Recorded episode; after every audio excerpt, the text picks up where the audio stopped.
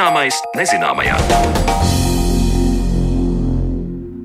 Esiet sveicināti redzējumā, zināmais nezināmajā. Turpmāko stundu ar jums būšu kopā es Sandra Kropa, un šodien mēs parunāsim par pārtiku. Jau pavisam drīz būs saruna par to, kāda ir pārtikas nākotnes izaicinājumi, bet jau tūdaļ palūkosimies par to, kādas tad ir iespējas neapēst zemeslodi. Jaunais gads nereti sākas ar apņemšanos ēst veselīgāk un sportot vairāk. Reāli iespēja kaut nedaudz mainīt savu ēšanas paradumus piedāvā izaicinājums neapēt zemeslodi. Tas nebūtu nenozīmē uzreiz kardināli mainīt savu ēdienkarti, bet ar apēstās pārtikas starpniecību soli pa solim samazināt klimata pārmaiņas. Cik liela ir cilvēku interese par šādu izaicinājumu un ko nozīmē tādā iesaistīties, par to klausieties Marionas Baltkalnas veidotajā ierakstā. Neapēt zemeslodi ir izaicinājums, apņemšanās uz mēnesi samazināt dzīvnieku valsts produktu patēriņu savā uzturā, tā mazinot savu ietekmi uz klimata pārmaiņām un vidi, un aizstāt šos dzīvnieku valsts produktus ar vidē draudzīgākiem augu valsts produktiem. Augu valsts produktu saražošana patērē gan daudz mazāk resursu, gan rada mazāku piesārņojumu nekā dzīvnieku valsts produkti. Tāpēc arī šī izaicinājuma laikā mēs gan izglītojam sabiedrību par šiem jautājumiem, gan arī aicinām ikvienu pēc saviem ieskatiem ēst vairāk augus. Tajā pašā laikā mēs uzskatām, ka ik viens solis uz eh, vidē draudzīgāku dzīvesveidu ir labs, un tāpēc arī izaicinājumam, kas noris mēnesi, ir pieejami vairāki līmeņi, lai ik viens var pieteikties. Un, teiksim, pirmais līmenis ir neēst gaļu trīs dienas nedēļā, tad otrs līmenis - neēst gaļu visu mēnesi, un trešais ir neēst nekādus dzīvnieku valsts produktus visu mēnesi. Tāpēc ik viens, kam varbūt pat nav nekāda pieredze, jā, viņš var pieteikties un paskatīties paeksperimentēt eh, jebkurā gadījumā.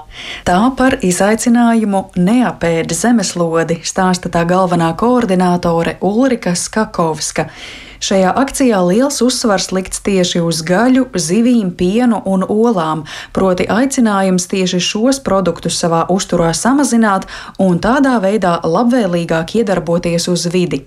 Kāda ir šo produktu saistība ar klimata pārmaiņām, par to turpina Ulrika Skakovska tieši lielopu gaļa un piena produkti ir tādi klimatu vissildošākie.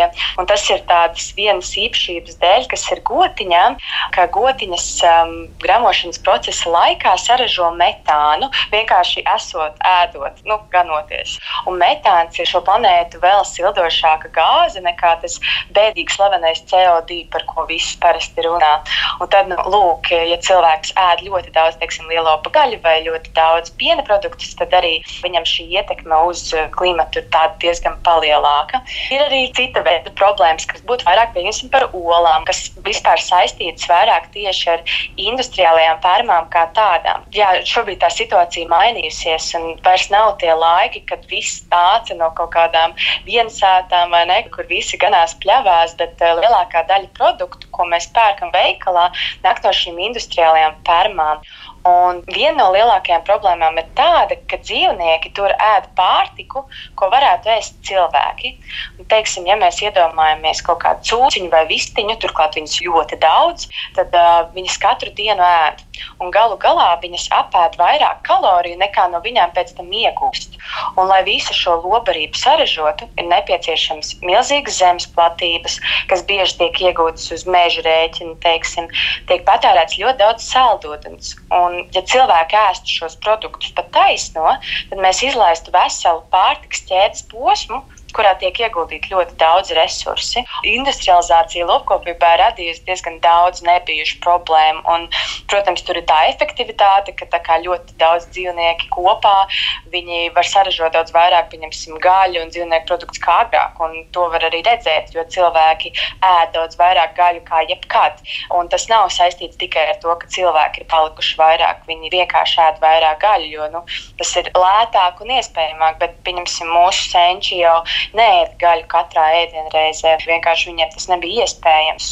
Mazliet tāds uh, filozofisks jautājums, um, kā jums liekas, teiksim, nu, vai cilvēku tāda regulāra un pakāpeniska pāreja un atteikšanās no šiem dzīvnieku valsts produktiem atrisinātu to problēmu, kas ilgu laiku jau pastāv šī mm, vistu turēšanas prostā un uh, govju audzēšana speciāli gaļas un piena ieguvē, tas to mehānismu varētu iekustināt laika gaitā? Jā, nu redziet, pieņemsim šobrīd pasaules populārākais putns ir mājas vista, 23 miljardi. Un, bet uh, tā vietā, pieņemsim, būtu šis vistas būtu mazāk, bet viņām varētu būt labāki tie apstākļi labturības jautājumos un tā tālāk. Turklāt pārmaiņas pārsvarā nenotiek vienā dienā. Tas ir tāds ilgs ceļš, ilgs process. Tā tas ir. mm. Un to arī pierāda fakts, ka jūs lēnām Latvijas sabiedrību radināt pie šīs domas, jo 2021. gads nav pirmais gads, kad šī akcija notiek.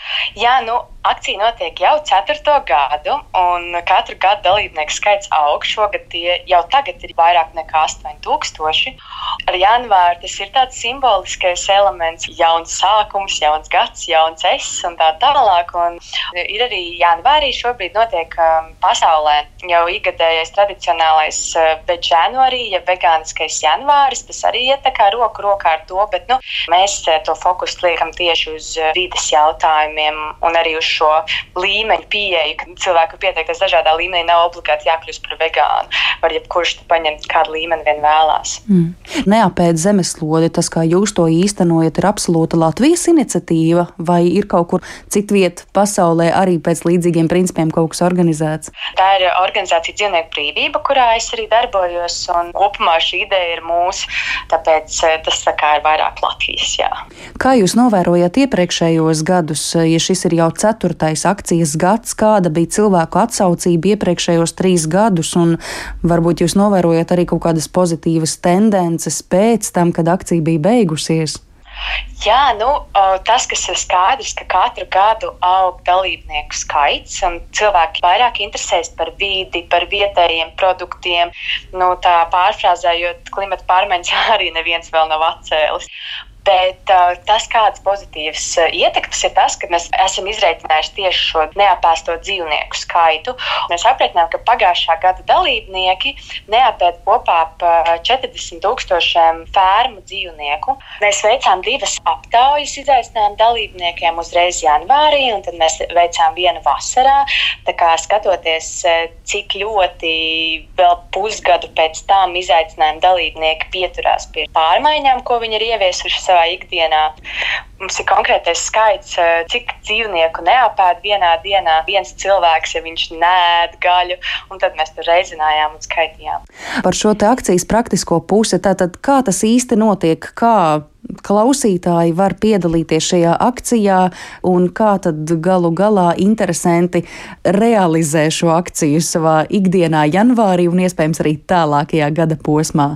Jā, akcija notiek bez maksas. Ik viens var piedalīties, ieejot mājaslapā neapēc zemeslode.lv. Tur jāizvēlas savs līmenis un jāpiesakās. Un pieteikties var arī tagad. Ik viens saņems vēstules no pirmās dienas.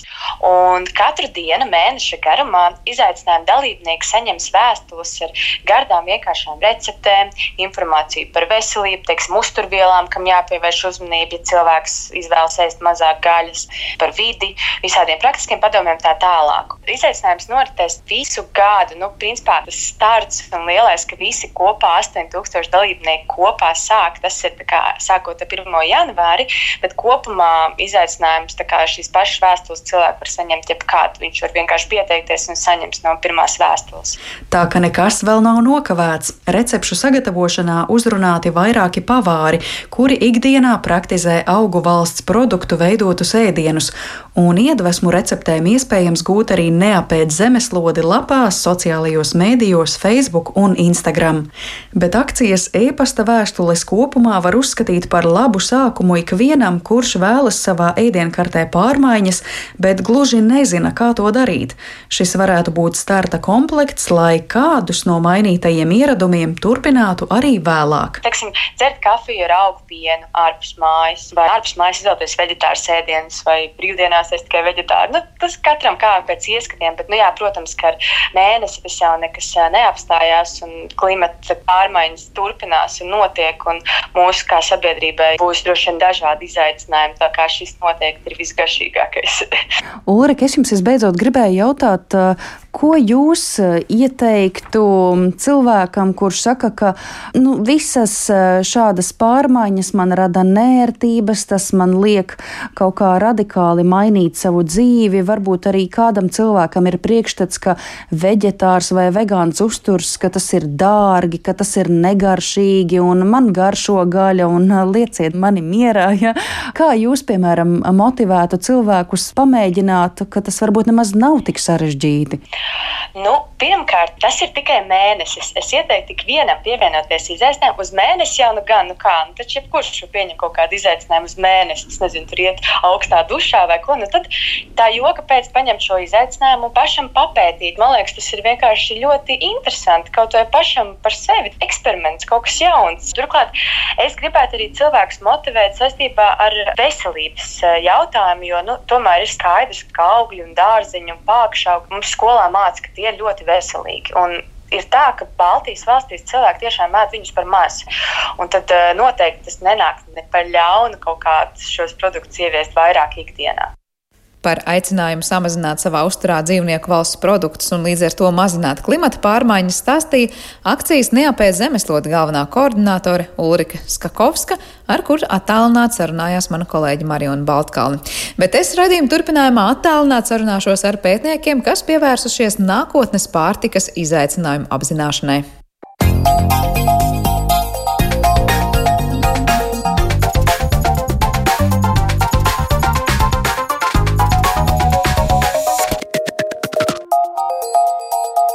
Zināmais nezināmajā. Radījuma atlikušajā daļā solītais skats pārtikas nākotnē un kā mainīsies mūsu ēšanas paradumi un kas būs galvenie kriteriji, kas šīs izmaiņas rosinās. Mēs meklēsim atbildes uz visiem šiem jautājumiem atlikušajā radījuma pusstundā, eh, kad ir mums mūsu attālinātajā studijā kopā ar Ziemeļvalstu ministru padomas biroja Latvijā padomniece ilgspējas un digitalizācijas jautājumos Māja Kāle un Baltijas studiju centra vadošais pētnieks Miķels Grīviņš. Labdien jums abiem! Labdien! Labdien. Es saprotu, ka ir tapis pētījums, kur ir izkristalizējušās astoņas konkrētas tendences Baltijas un Ziemeļvalstu pārtikas sistēmas nākotnē. Un pirms mēs sākam runāt par šīm konkrētajām tendencēm, kā līdz tām esat tikuši, un varbūt varat pastāstīt par to, kas tad īsti ir tas par pētījumu, par ko ir stāsts. Jā, varbūt es varētu pastāstīt. Šī gada laikā mēs īstenojam tādu lielu, apjomīgu pārtikas nākotnes projektu, kas ir Ziemeļvalstu un Baltijas valstu birojs. Un eh, šī projekta ietvaros eh, mēs skatāmies uz šo reģionu kā vienotu vienību, lai saprastu, kas tad notiek ar pārtikas sistēmām, pārtiku un mums šeit. Un eh, projekta ietvaros mums jau bija hackathons, kas norisinājās februārī, mm, īsi vēl pirms viss tika slēgts. Pie mums atbrauca simts dalībnieki no Ziemeļvalstīm un no Baltijas valstīm un pat vēl plašāka reģiona, lai kopā izstrādātu biznesa idejas. Un hackathons bija ļoti veiksmīgs. Un jau tad izkristalizējās tādas, tā kā, jā, kas šim reģionam varētu būt kopīgs. Un tas kopīgais bija alternatīvie proteīni, dažādas kā, kustības un um, klubiņi saistīti ar pārtiku un daudz citas tēmas. Nu, lūk, un paralēli hackathonam arī mēs satikāmies projekta partneri, kas kopā sākām strādāt pie tā, kāds tad varētu būt pārtiks tendences šajā reģionā. Tātad tas bija tāds kopdarbs, eh, sajūtot vēsmas. Un eventuāli tad Miķels Grīviņš, Aftona Halloran un arī es, eh, mēs kopā izstrādājām un savilkām to informāciju kopā par tām tendencēm. Un Kāpēc ir ļoti svarīgi domāt par tendencēm? Tas mēs to iecerējām specifiski jaunu uzņēmumiem vai cilvēkiem, kas vēlas uh, uzsākt savu uzņēmēju darbību, un kuriem vajag varbūt um, saprast, um, uz kur pusi tad vējš pūš un kā tā nākotnē pārtikai varētu izskatīties. Un tāpat arī mēs ceram, ka politikas veidotājiem tas viss varētu būt noderīgs. Bet īpaši mēs jūtam ļoti labas atsauces tieši no biznesa sektora, ka šīs astoņas tendences ir relevantas, par tām ir vērts domāt. Un, Tās ir tieši būtiskas šim konkrētajam reģionam. Bet es pareizi saprotu, ka šīs tendences, par kurām mēs sīkāk parunāsim, un pirms arī došu vārdu Miķelim, ir kaut kas tāds, kas varētu mainīt gan to, kā mēs audzēsim pārtiku, kā mēs to piegādāsim, kā mēs to tirgosim, kā mēs ēdīsim, ko mēs ēdīsim un kā to dalīsim. Tas attiecas uz pilnīgi visiem šiem posmiem. Jā, mēs apskatījām pārtikas sistēmas diezgan plašā nozīmē, un arī tās pārmaiņas, tās tendences mēs skatījāmies plašākā, ne tikai cilvēku un pārtikas attiecību kontekstā, mēs skatījāmies visas sabiedrības attīstības kontekstā. Jo reti, kad tiek iekļauts šāda veida pētījumos, tādi sociāli aspekti un um, sabiedrības norišu uh, tāds tā kā. Uh, nezinu, termometri, tā varētu nosaukt. Un, manuprāt, tieši te jāpasaka liels paldies Niķelim par viņa darbu un spēju ienest šīs ļoti globālās vēsmas un piemērot eh, tās eh, pārtikas un sabiedrības tendencēm konkrētam reģionam. Jā, varbūt es došu vārdu Miķelim. Es eh, jautāšu par šo pētījumu, varbūt tām tendencēm. Nu, kas varbūt ir tīri kaut kādi konkrēti piemēri, kā mēs varam teikt, nu, labi, skatījāties ļoti plaši uz tām pārtikas ķēdēm un sabiedrības kopumā iesaisti. Vai Miķeli var izstāstīt nedaudz sīkāk ar kādiem konkrētiem piemēriem? Kā, jā, pilnīgi noteikti, bet varbūt man jāsāk ar nelielu atkāpi. Un neliela atkāpe, kur man ir jāveic, ir tajā, ka jāpaskaidro, kā mēs skatāmies šajā gadījumā uz vārdu pētījums. Jo klasiski, tā, kad mēs Latvijā runājam par pētījumiem, mēs runājam par nu, tādu vai nu reprezentatīvitāti, vai iet dziļumā, aptaujājot kaut kādu respondentu grupu, kur tad mēs pēc tam sakām, ka reku šajā laika momentā mēs iegūstam datus, ka te notiek tā. Bet, uh, domājot par nākotni, īstenībā nevar pielietot šādu skatījumu, jo, principā, jau neviens nav dzīvojis nākotnē. Visi ir dzīvojuši pagātnē, un tā kā pieņem, ka tas, ko tu zini, kas bija patiesa paties pagātnē, ka tas būs patiesa arī nākotnē. Bet uh, es domāju, ka 2020. gada pieredze mums ļoti labi ir ilustrējusi, ka īsti tā nevar domāt. Ka pats fakts, ka mēs pie kaut kā esam pieraduši, galīgi negarantē nu, fakts, ka mēs šobrīd nerunājam klātienē, bet runājam zumā. Vieni ilustrē tas, ka mēs pie kaut kā varam būt pieraduši, bet tad nelielas pārmaiņas var principā, mainīt pilnīgi visu, kā mēs dzīvojam. Un, attiecīgi, pats pētījuma objekts nākotnē ir tāda lieta, ko neviens īsti nu, patiesībā nezina. Un uh, rezultātā mums ir nepieciešama jauna metodoloģiska rīka, kā par to domāt. Attiecīgi, tad, kad tu, tu pirmais jautājums bija, kāda ir tā metodoloģija, mēs nevaram teikt, ka mums ir kaut kāda kvantīva izlase, jo, jo nu, kurš cilvēks būs tas, vai kā mēs, tas, ka kāds kaut kas būs tagad reprezentatīvs, mums neko nepateiks par to nākotnē. Tas, ko mēs darījām, mēs runājām ar daudziem ekspertiem. Un, principā, lūdzām šiem ekspertiem tieši šo jautājumu atbildēt, kā viņi saskata, kas ir tās galvenās nākotnes, kas ir galvenie nākotnes izaicinājumi. Un pēc tam, kad mēs šo ziņojumu pabeidzām, mēs vēlreiz viņiem sūtījām šo pašu pārskatu un uh, lūdzām novērtēt, kā viņi tagad skatās, vai tas, ko mēs esam noķēruši, vai tas principā, atspoguļo to nākotni, kādu viņi redz. Un uh, arī šādā skatījumā ir problēma, jo, kā jau teicu, cilvēki tiecās dabīgi pieņemt, ka tas, ko viņi zina pagātnē, ka, ka tas atkārtosies arī nākotnē. Un, attiecīgi, ir ļoti grūti cilvēkam domāt par nezināmo. Un eh, šī iemesla dēļ no vienas puses mums ir, bija konstanti jāņem vērā tas, ko eksperti saka, no otras puses mums jāpatur iespēja tam, ka šis nezināmais var ienākt un uh, ka tas var um, mainīt pilnīgi visu, ko mēs zinām. Un, attiecīgi, norobežot kaut kādu vienu nelielu aspektu, mēs īsti nevaram. Mēs runājam par, par visu pārtikas sistēmu. Uh, un, un, godīgi sakot, pat tad, kad mēs sakām, ka mēs runājam par pārtikas sistēmu, ļoti daudz no tā, ko mēs pasakām, patiesībā ir par sabiedrību kopumā.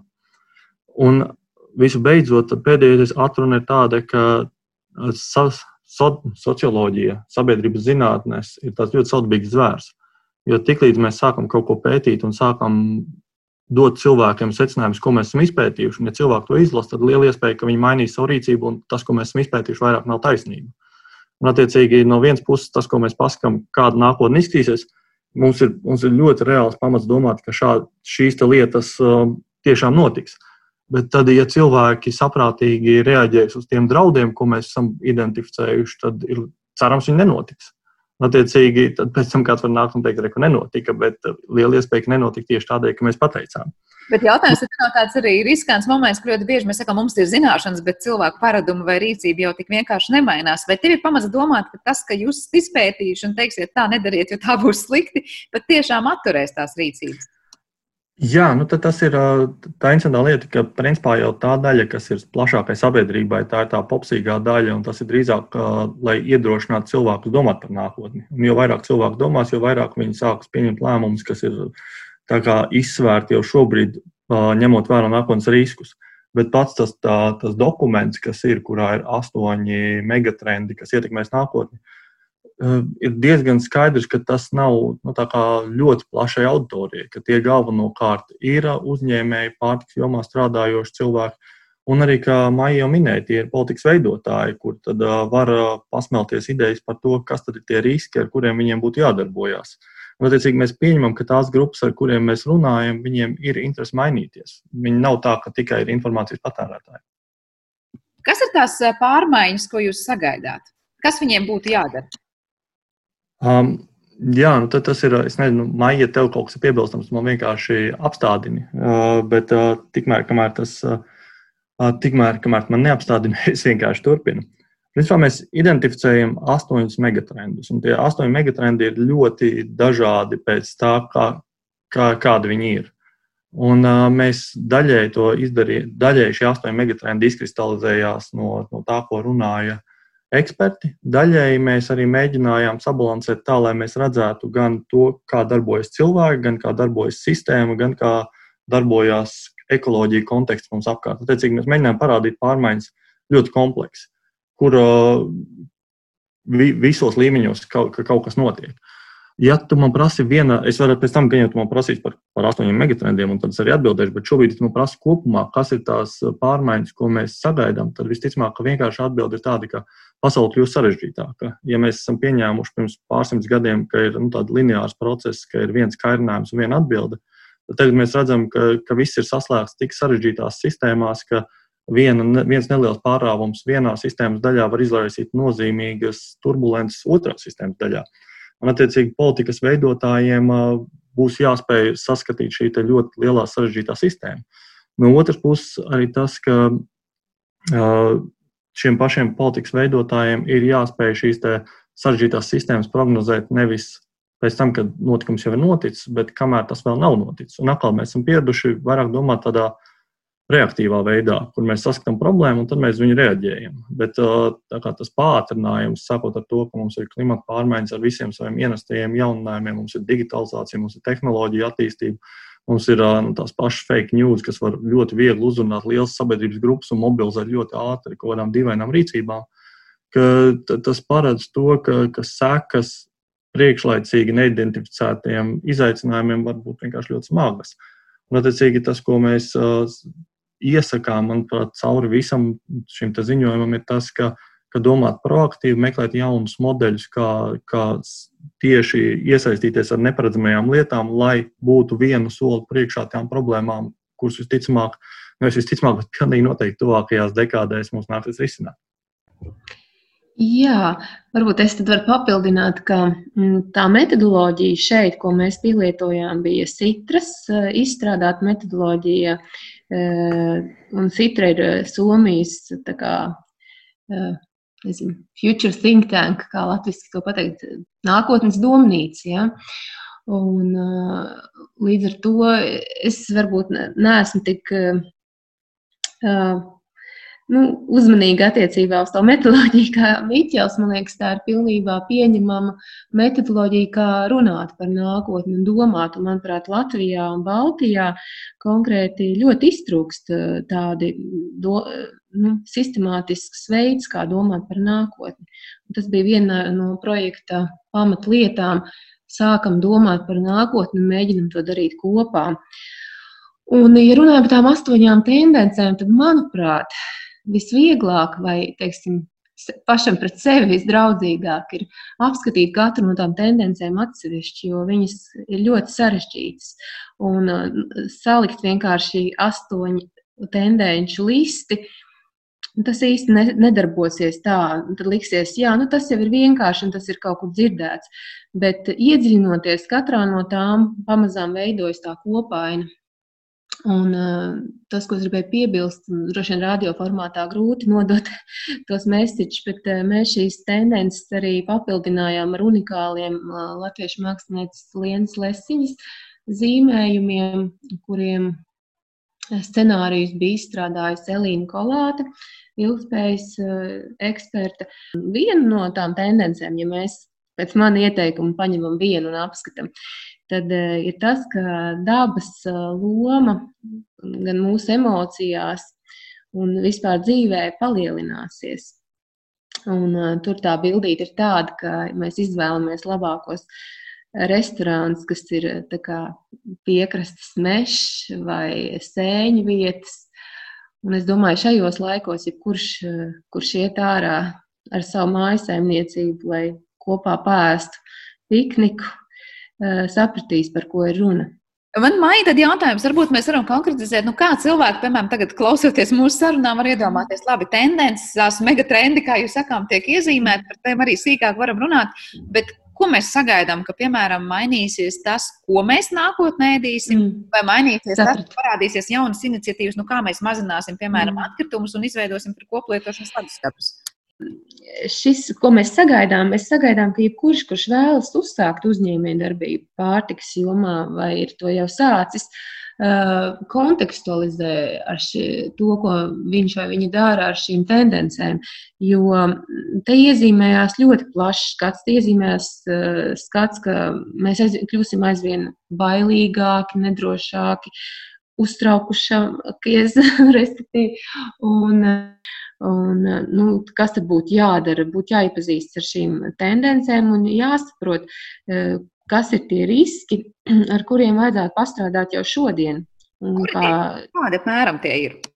Jā, nu, tā tad viens no tiem riskiem ir sabiedrības noslāņošanās, ka mēs ejam aizvien eh, nevienlīdzīgāk to ceļu, un kas ironiski, tad tieši pārtikas sektora darbinieki ir ļoti bieži vismazāk aizsargātie, sociāli aizsargātie. Nekā, Sandra, tā pats vieglākais veids ir varbūt tā īsi izskriet cauri tiem astoņiem un tad pat identificēt tos, tos riskus. Un mums pirmais megatrends ir par, nu, pirmā lieta, kas vienkārši man liekas obligāti ir jāmin, ir tehnoloģijas klātbūtnes, arvien, arvien izteiktāka tehnoloģija klātbūtne. Un tas, nu, tā kā tur var runāt daudz un dikti, un, un ko tas tieši nozīmē, bet tā pavisam vienkārši izklāstot, ir, ka tas, ko mums 20. gadsimts ir parādījis, ir, ka, ja mēs ieliekam uh, starp cilvēku un pārtiks ražošanu tehnoloģiju, tad cilvēks zaudē zināšanas un zaudē, zaudē interesi. Un tas savukārt ir skaidrs ceļš, kā, kā ienākt praksēm, kas principā rada daudz lielāku slogu uz vidi, uz neaizsargātajām grupām. Un tad, ja mēs zinām, ka tehnoloģijas ienāks vēl jau vairāk, tad tas mūsu izaicinājums, ko mēs jautājam, ir, kā panākt, ka, ka atgriež šo interesi un atgriež zināšanas, nezaudējot tos pievienoto vērtību, ko tehnoloģijas var dot. Jā, bet man jautājums, kurā brīdī ieliek pa vidu to tehnoloģiju? Tas ir ražošanas procesā, piemēram, mēs kaut ko sākam ražot vairāk, liekot lietā tehnoloģiju, vai tā ir piegāde, vai, vai par ko ir stāsts? Tas stāsts ir par, nu, ja mēs skatāmies, man liekas, ka ir nepieciešams vēsturisks ekskurss, kur tas stāsts ir par visiem posmiem. Jo primāri pirmais bija ielikt tehnoloģiju starp uh, ražošanu un cilvēku. Attiecīgi, tajā brīdī, kad mēs kaut ko audzējam, mums pa vidu parādās vesela kaudzes tehnoloģisku subjektu, sākot ar traktoru, turpinot ar vilcienu, turpinot ar, ar saldētavām, kas vienkārši cilvēkam neparāda īsto veidu, kā tā pārtika radās, kā viņi bojājās. Pēc tam mēs ieliekam tehnoloģiju tajā, kas notiek maisaimniecībā. Mēs uztaisām superprocesāru sēdienus, kur cilvēks mikroviņu krāsnī vienkārši viņus pagatavo. Attiecīgi, tā tehnoloģija, man saka, prasa, vai tas ir kurā vietā. Tad vienkāršais ir, tās tehnoloģijas mēs esam redzējuši, viņas ielikt visos līmeņos, un viņas nāks vēl jau vairāk, visos līmeņos nāks iekšā. Bet tu teici par to, ka tas atstāja lielāku ietekmi varbūt uz vidi. Kas notiek tajā brīdī, ja mēs iemācāmies labāk iepakot ar tehnoloģiju palīdzību ēdienu, un tas tik ātri nebojājas? Vai mēs varam teikt, ka tur tā tehnoloģija tieši nedara tev pretēju efektu, proti, palīdz? Jā, protams, protams, protams, protams. Tas, ko es uh, saku, un tas, ko es gribēju pateikt, bet varbūt man neizdevās pateikt, ir tas, ka neapšaubām, ka kā tehnoloģijas nāks vairāk iekšā tieši tādēļ, ka tās piedāvā ne tikai problēmas, bet arī risinājumus. Bet, uh, lai tie risinājumi strādātu un lai tie būtu kā, lai cilvēki izvēlētos tos risinājumus, viņiem ir jābūt kaut kādā mērā zinošiem par to, kur šīs problēmas potenciāli varētu rasties. Un, lai viņi būtu ieinteresēti būt zinoši par šīm lietām, viņām ir jāsas, jāsaglabā kaut kādas zināšanas, kuras šīs te tehnoloģijas tieši nomāca. Attiecīgi, tas, ka mums ir šie tech fiksi, kas ļauj atrisināt problēmas, nedrīkst kalpot par iemeslu, lai cilvēks pilnībā aizmirst par problēmu. Mhm. Kā ir ar otro tendenci? Es tikai gribēju vēl piemetināt, ka pētījumā ir diezgan daudz arī visādi piemēri no Ziemeļvalstīm un Baltijas valstīm, kur šīs tendences jau ir darbībā. Nu, tā, tas ir arī vēl viens kā, derīguma punkts, nu, piemēram, tādam jaunam uzņēmējam, e, paskatīties, kā citi piemēro e, tas attiecīgās tendences. Jā, jā, otrā tendence ir par pārtikas sistēmiskumu, bet, bet lielā mērā par to, ka mēs arvien vairāk redzam, ka tās problēmas, kuras ar pārtikas sistēmu mēs mēģinām risināt, ir ļoti daudzpusējas. No vienas puses mums ir ļoti augsti liekā svara līmeņi, paralēli mums ir visi bioloģiskās daudzveidības zudumi, mums ir atkritumi, kas rodas. Un tad lielais izaicinājums, kuru mēs uzrunājam otrajā tendencē, ir kā atrast balansu starp šiem izaicinājumiem. Jo skaidrs, ka mēs neatradīsim vienu, un tas, ko angļuiski sauc par silver bullet, kur ar vienu problēmu, ne ar vienu risinājumu mēs atrisināsim pilnīgi visu. Jautājums ir, kā sabalansēt šīs dažādas vajadzības, kas mums ir vajadzība, vajadzīgas, bet vēl jau vairāk, kā sabalansēt dažādas intereses. Jo no vienas puses ir šī te, nu, nākotnes sabiedrība, kurai ir nepieciešama arī vide, kurā ražot pārtiku, un no otras puses šī brīža uzņēmējdarbības interese, ir nepieciešamība ražot pārtiku, kur ir visiem pieejama, ir pietiekoši lēta, ir pietiekoši daudzveidīga. Un, attiecīgi, jautājums ir, kā mobilizēt tās grupas, kas var šo sociālo atbildīgo pusi ienest šajā diskusijā, un no otras puses, kā atrast tādu vidusceļu, kur vēl joprojām uzņēmējiem būtu interese nākt un darboties un nelikties, nejusties, ka viņi principā neiegūst neko no tā, ka viņi darbojas šajā sistēmā. Bet sanāk, ka vairāk šobrīd jautājumi izkristalizējušies, vai jums ir arī pētījumā skaidrs tās atbildes un piedāvātie risinājumi? Mums ir arī piedāvātie risinājumi, ja godīgi, bet tad ir jautājums, nu, tad, tad, tad, tad, tad brīdī, kad mēs runājam par tik plašu lietu kā pārtikas sistēmu izaicinājumu sabalansētību, tad tas, ko mēs darām, mēs beigās uzskaitām kaut kādus desmit jautājumus par katriem, kas ir tie izaicinājumi, kurus mēs uzskatām, ka vajadzētu risināt. Un mēs runājam par kaut kādām desmit iespējamajām atbildēm, kuras varētu palīdzēt. Tā problēma ir tāda, ka, kā tu pati sākumā teici, ka nu, mēs uzrunājam visu pārtikas sistēmu vienlaicīgi. Mēs neuzrunājam nu, kaut kādu vienu atsevišķu niansu, kur mēs varam pateikt, un te ir viss atbildes, kas nepieciešams. Redzīgi, mēs esam bijuši diezgan selektīvi pielasot piemērus, pielasot atbildes un pielasot izaicinājumus. Bet uh, lielā mērā tas ir saistīts ar metodoloģiju, ko mēs esam izvēlējušies. Jo, jo kā jau teicu, sākumā, ka klasiski mēs esam pieraduši runāt par pētījumiem, kuri ir nu, par šo brīdi. Te mēs runājam par, par kaut ko nezināmu, un principā mēs nevis pasakām, Mēs esam ļoti atklāti jau pirmajās lapās sakot, ka mēs nepiedāvājam vienu atbildi par visu. Tas, ko mēs drīzāk mēģinām izdarīt, ir likt cilvēkiem domāt par izaicinājumiem, kas būs, kādus izaicinājumus tas nesīs. Un tad, tad dīvainā lieta ir jau tas, ka pat tad, ja mēs esam aptaujājuši veselu kaudzi ekspertu un paprasījuši, vai jūs domājat, vai tas tā būs, ka tas tik un tā negarantē, ka tas tā būs. Attiecīgi, megatrendu īpatnība ir tas, ka tas ir drīzāk piedāvājums domāt par jautājumu, par ko cilvēki parasti īsti nedomā. Un, pieņemot, ka tu man gribi apstādināt, bet es varu piebilst vēl vienu lietu, ka, ka parasti, kad mēs domājam par nākotni, mēs domājam tādos, nu, tā kā nevis megatrendos, bet trendos, kas ir mēs skatāmies uz to, kā datu kops ir izskatījušās pirms simts gadiem, un tad no tām datu kopām mēs ekstrapolējam, kas notiks nākotnē. Un tas izaicinājums ir tāds, ka tas kaut kādā mērā paredz, ka, ka attīstība un cēloņu sakarības ir lineāras un proporcionālas. Paskaidrot, ko tas nozīmē, mēs pieņemam, ka ja mēs pieņemam no, noņemam klasē, kur visi mācās uz desmitniekiem, vienu skolēnu, ieliekam skolēnu, kas mācās uz viennieku, mēs dabūsim klasi, kas mācās uz devītniekiem. Praksē mēs dabūsim vēl joprojām klasi, kas visticamāk būs mācīsies uz desmitniekiem. Bet, tad, kad mēs noņemsim četrus skolēnus, mēs pēkšņi dabūsim klasi, kas mācīsies uz pieciniekiem, un mēs būsim panākuši fundamentālus pārmaiņas sistēmā. Attiecīgi, šīs ir lietas, tāda fundamentāli pārrāvumi, ko mēs īsti nevaram noķert, tad, ja mēs skatāmies šādos nu, vēsturiskajās kopās un mēģinām viņus attiecināt uz priekšu. tās mēs varam tikai prognozēt, mēģinot kā, minēt vispārējas cēloņu sakarības, kuras mēs īsti nevaram pat šobrīd prognozēt. Vecīgi, tā, tā, tā problēma ir tāda, ka, ka mēs nevaram īsti piedāvāt ļoti skaidrs, precīzs atbildes, jo neviens no mums nav dzīvojis nākotnē. Un vienīgais, ko mēs varam pateikt, ka nākotne ir savādāka kā šodien. Jā, bet mēs nonākam pie tā, nu, kāda ir tā praktiskā pielietojamība pēc tam, ja mēs tā kā mūsu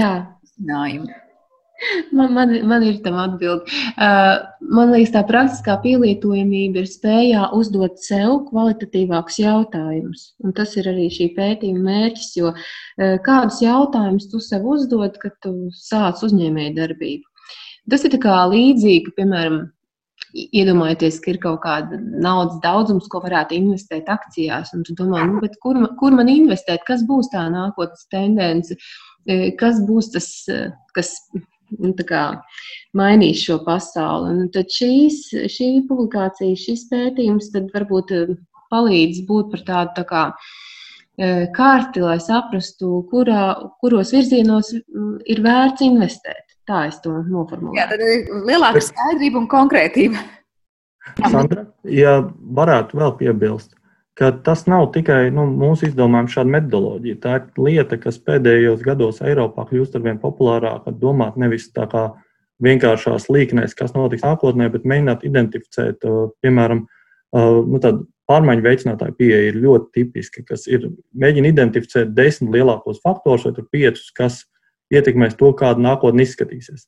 Un, principā, šie pētījumi meklē nevis optimālo vai pareizo nākotni, jo viņi jau pašos pamatos pieņem, ka cilvēki mainās, cilvēki mācās. Un, un principā, ja pētījums labi izdara savu darbu, tad, tad sliktās nākotnes nav. Bet viņi drīzāk pieņem, ka ir kaut kādas lietas, kuras vienkārši, kuras visticamāk, ka dažādās nākotnēs pārklāsies. Un šīm lietām mēs varam sagatavoties, ja mēs esam prātīgi. Un līdzīgi ir ar šo mūsu pieeju, ka, mēs nevis pasakām, ka tā ir nākotne, kur obligāti būs, bet mēs meklējam tās izaicinājumus, kur neatkarīgi no dažādām problēmām mums kā sabiedrībai būs uh, jāatrisina. Un tad mēs viņus piedāvājam pāris gadus iepriekš un, un uh, izliekam, sakot, nu tagad domājam, kā ar viņiem tikt galā. Uh. Tas, kas mums ir ne īpaši daudz, ne īpaši ilgā laika posmā jāpaspēj saprast, vēl tās pārējās tendences, kas jums iezīmējās šajā pētījumā, vai jūs varat kaut kādā mērā, nu, nezinu, kopā, kopainā iezīmēt, Kas ir tās galvenās lietas, vai tā ir digitalizācija, vai tas ir tas, ka mēs tomēr saskarsimies ar to, kā mazināt pārtikas atkritumu daudzumu, un mums, mums sagaida tiešām tur pilnīgi jauna veida pieejas vispār, kā pārtiku tirgot, iefasēt un, un patērēt. Kā jūs teikt, nu, kas ir tās atlikušās sešas, laikam, es saprotu, vai, vai cik mēs nenosaucām lietas, par kurām noteikti šobrīd, kā Miķels tikko teica, mēs iezīmējam to, kāda tā nākotne visticamāk nu, varētu būt, ja mēs turpinām tā, kā mēs, mēs darām šobrīd lietas. Pieņemot, ka man mikrofons ir ieslēgts, tad es vienkārši sāku maitu turpini, ja tev tajā brīdī, kad tev ir ko piebilst. Droši. Attiecīgi, tā, tās sešas tēmas, kas mums ir, ir uh, digitalizācija, ir atkritumi vai arī domāšanas veidu pārmaiņa par to, kas ir atkritumi, ir uh, saiknes ar dabu pārmaiņas, ir uh, bailes, vai arī to, ka, ja mēs pirms 30 gadiem runājam, ka visur apkārt ir riski, tad tagad šie riski ir kļuvuši ļoti reāli un cilvēkiem potenciāli potenciāli ir, ir sabijušies no, no izaicinājumiem, kas viņiem dienā ir. Ir uh, dzīves stila uzplaukums un pilnīgi jaunas lietas, kā, kā cilvēks saistās ar, ar ikdienu un sevi reprezentē. Un ir uh, pēdējais uz mēles, ir, bet, ne, bet nespēja noformulēt tagad pēkšņi. Uh, pēdējais ir šī distancēšanās starp dažādajām grupām, kur, kuras sekas, protams, ir daudz plašākas nekā tikai pārtikas uh, sistēmās, ka mēs jūtam, ka, ka cilvēki varbūt daži kaut ko nedabū un daži kaut ko dabū. Man Bet šķiet, ka polarizācija. Jā. Polarizācija. Bet šis Tā... bailes, ko tu minēji, tas ir vairāk saistīts ar pārtiks pieejamību vai drošumu, vai par ko ir stāsts? Tas ir par, par vēlmi mainīt kaut ko. Drīzāk tā to varētu teikt. Ka, ka viens no mūsu pieņēmumiem pašos megatrendos ir tas, ka, lai kaut kas mainītos, vajag cilvēkus, kas maina. Un uh, tas mums pieņēmums fonā ir, ka, ka mai, spēļa mainīt vai domāt par nākotni, vai būt atvērtam jaunām iespējām, kas ir fundamentāli nepieciešama, lai mēs domātu par, par, nezinu, par, par jaunu pārtiks sistēmu izveidi, par atvērtību riskiem, par, nezinu, par uh, nebaidīšanos pašam uzsākt jaunas lietas. Ka, ka tas ir domāšanas veids, bet tas, kā domāšanas veids nevar tikt kultivēts, vai cilvēki nevar uzsākt pārmaiņas vai, vai iestāties par savām idejām, ja viņi baidās no tā, kas notiek apkārt. Attiecīgi, tas, tas pieņēmums ir tāds, ka, piemēram, šis te konteksts lieliski ilustrē to, ka cilvēkam potenciāli ar šo te, domājot tos, kas mums šobrīd ir apkārt, ir, lai, lai cilvēki nemainītu kaut kādas plašākas lietas savā dzīvē, lai viņi mazliet noslēgtos un mēģinātu nodrošināt sev kaut kādas pamat vajadzības un varbūt aizmirstu par to, ka, ka nezinu, plasmas ir jāsamazina, ka, ka mums ir jādomā arī par to, kā mēs atbalstam mazākos spēlētājus pārtiks ķēdēs. Līdzīgi, virkne izaicinājumu nevar tikt risināti tad, ja cilvēki baidās. Bet, ja es varētu piebilst pie viena cita megatrenda, kas man liekas, tu pirms mirkli prasīji, kas, kas ir tāda svarīga lieta. Man liekas, ka viens no caurvīju motīviem ir tas, ka mēs līdz šim pārtikas sistēmu un vispār domāšanu par pārtiku esam virzījuši uz to, ka mēs varam visu kontrolēt. Ka, kopš mēs izdomājam traktoru un kaut kādas lauksaimniecības ķīmiju, mēs, mēs esam secinājuši, ka mēs varam visam pielikt savu pirkstu un padarīt to labāku. Un pēdējie gadi ar neparedzamām pārmaiņām laikapstākļos, ar šo pašu vīrusu, ar pēkšņiem pārāvumiem, kas, kas nāk no kaut kādiem finansu tirgiem, ir parādījuši, ka mēs īsti nevaram plānot. Un, protams, ka šīs lietas ir daļēji saistītas, jo tās lielā mērā visas pakārtotas klimata pārmaiņām. Uh, bet arī paši no sevis, no tā vienkārši, ka mēs kļūstam vairāk uz planētas un no tā, ka mēs izmantojam ar vien vairāk resursus no planētas. Bet tā galvenā lieta ir, ka, ka mēs nevaram cerēt, ka tas pēkšņi nenotiks. Visticamāk, ka nākošajā gadā tas notiks vēl vairāk, un tas vēl vairāk ietekmēs pārtikas sistēmu. Un fundamentāli tas nozīmē to, ka mums ir jāpārskata veids, kā mēs domājam, kā mēs plānojam uh, problēmas. Jo līdz šim mūsu sistēma ir bijusi ļoti efektīva tieši tādēļ, ka mēs aptuveni paredzam, ka tādas problēmas mums būs, tik daudz cilvēku mums tik un tā nopirks šo lietu, tāpēc mēs varam saražot tik daudz pārtiku, un tas mums sanāk lēti. Tiklīdz mēs nevaram vairs prognozēt, tā sistēma kļūst dārga. Un, attiecīgi, šī prognozēšana un spēja uh, domāt par to, kāda sistēma izsīsies, neskatoties uz šiem satricinājumiem, ir tas, kas ir viens no mūsu rosinājumiem, uz par ko vajadzētu domāt. Man nav atbildes. Es zinu, ka man prasīs, kāda ir jābūt šai sistēmai. Tas ir tas, par ko mēs runājam daļai ar māju pēdējā laikā, ka, ka nākošais varbūt mūsu skats būtu meklēt kaut kādus jaunus politikas plānošanas instrumentus un piedāvāt tādu plašāku skatījumu par to, kā miedarboties ar neparedzējumību. Jā, nu tas, kā jūsu izpētes lauks ir bijis gana plašs un grūti aptverams, ir vairāk kā skaidrs, bet mums ir palikušas tiešām dažas minūtes laika šajā sarunā. Es māju, lūk, varbūt tevi iezīmēt tavuprāt tās būtiskākās tendences, varbūt vai kas ir tas secinājums, rezumējums, ko šis pētījums ir devis un ar kādu skatu mēs virzāmies tālāk nākotnē. Viena no lietām, ko es gribētu uzsvērt, ir pats process, kā domāt par nākotni, un arī mums eh, ar to bija jāsaskarās. Ka viena no kritiski svarīgākajām lietām ir saprast, kas tad ir tendence un kas ir tikai troksnis. Un troksnis ir kaut kas tāds, kas liekas, tā kā, oh, tagad tas viss notiek, bet uh, tam varbūt ir ļoti īstermiņa tikai iespējas, un tas uh, nākotnē nekādu būtisku uh, devumu nedod. Tātad uh, es domāju, ka tas lielākais iegums no šī visa, un arī tajā publikācijā tas ir uzsvērts, ir kā vispār mēs domājam par nākotni, kā mēs redzam to nākotni, kas ir troksnis un kas ir tendences.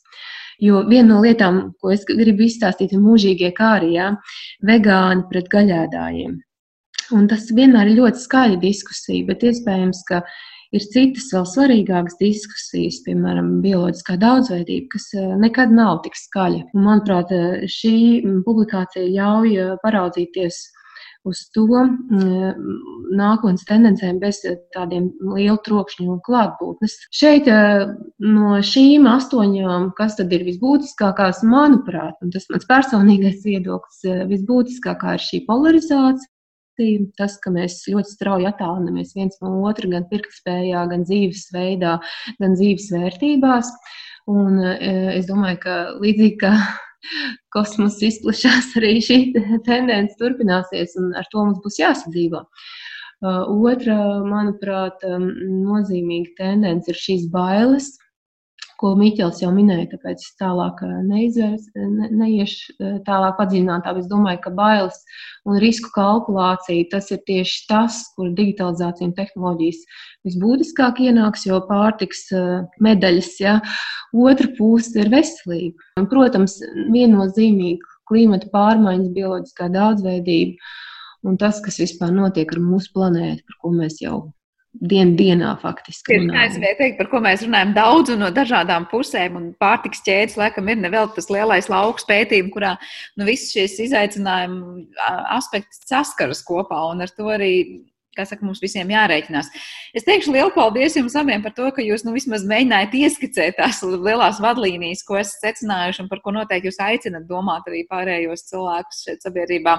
Citādāk dzirdējām Ziemeļvalsts ministru padomus biroja Latvijas padomnieci ilgspējas un digitalizācijas jautājumos Māju Kāli, kā arī Baltijas studiju centra vadošo pētnieku Miķelu Grīviņu. Es atgādināšu, ka mūsu raidījumu var klausīties arī populārākajās podkāstu vietnēs un teikšu paldies arī raidījumu producentēs Armītē Kolātei, kā arī mūzikas redaktoram Girtam Bišam. Un nu, es domāju, vēlēšu veiksmus arī jums, kā pētījuma autoriem, tālāk integrēt visas šīs idejas tiešām tādās politikas veidošanas, kā jūs teicāt, posmos un, un citās aktivitātēs. Paldies jums par sarunu un paldies arī visiem par klausīšanos. Visu labu!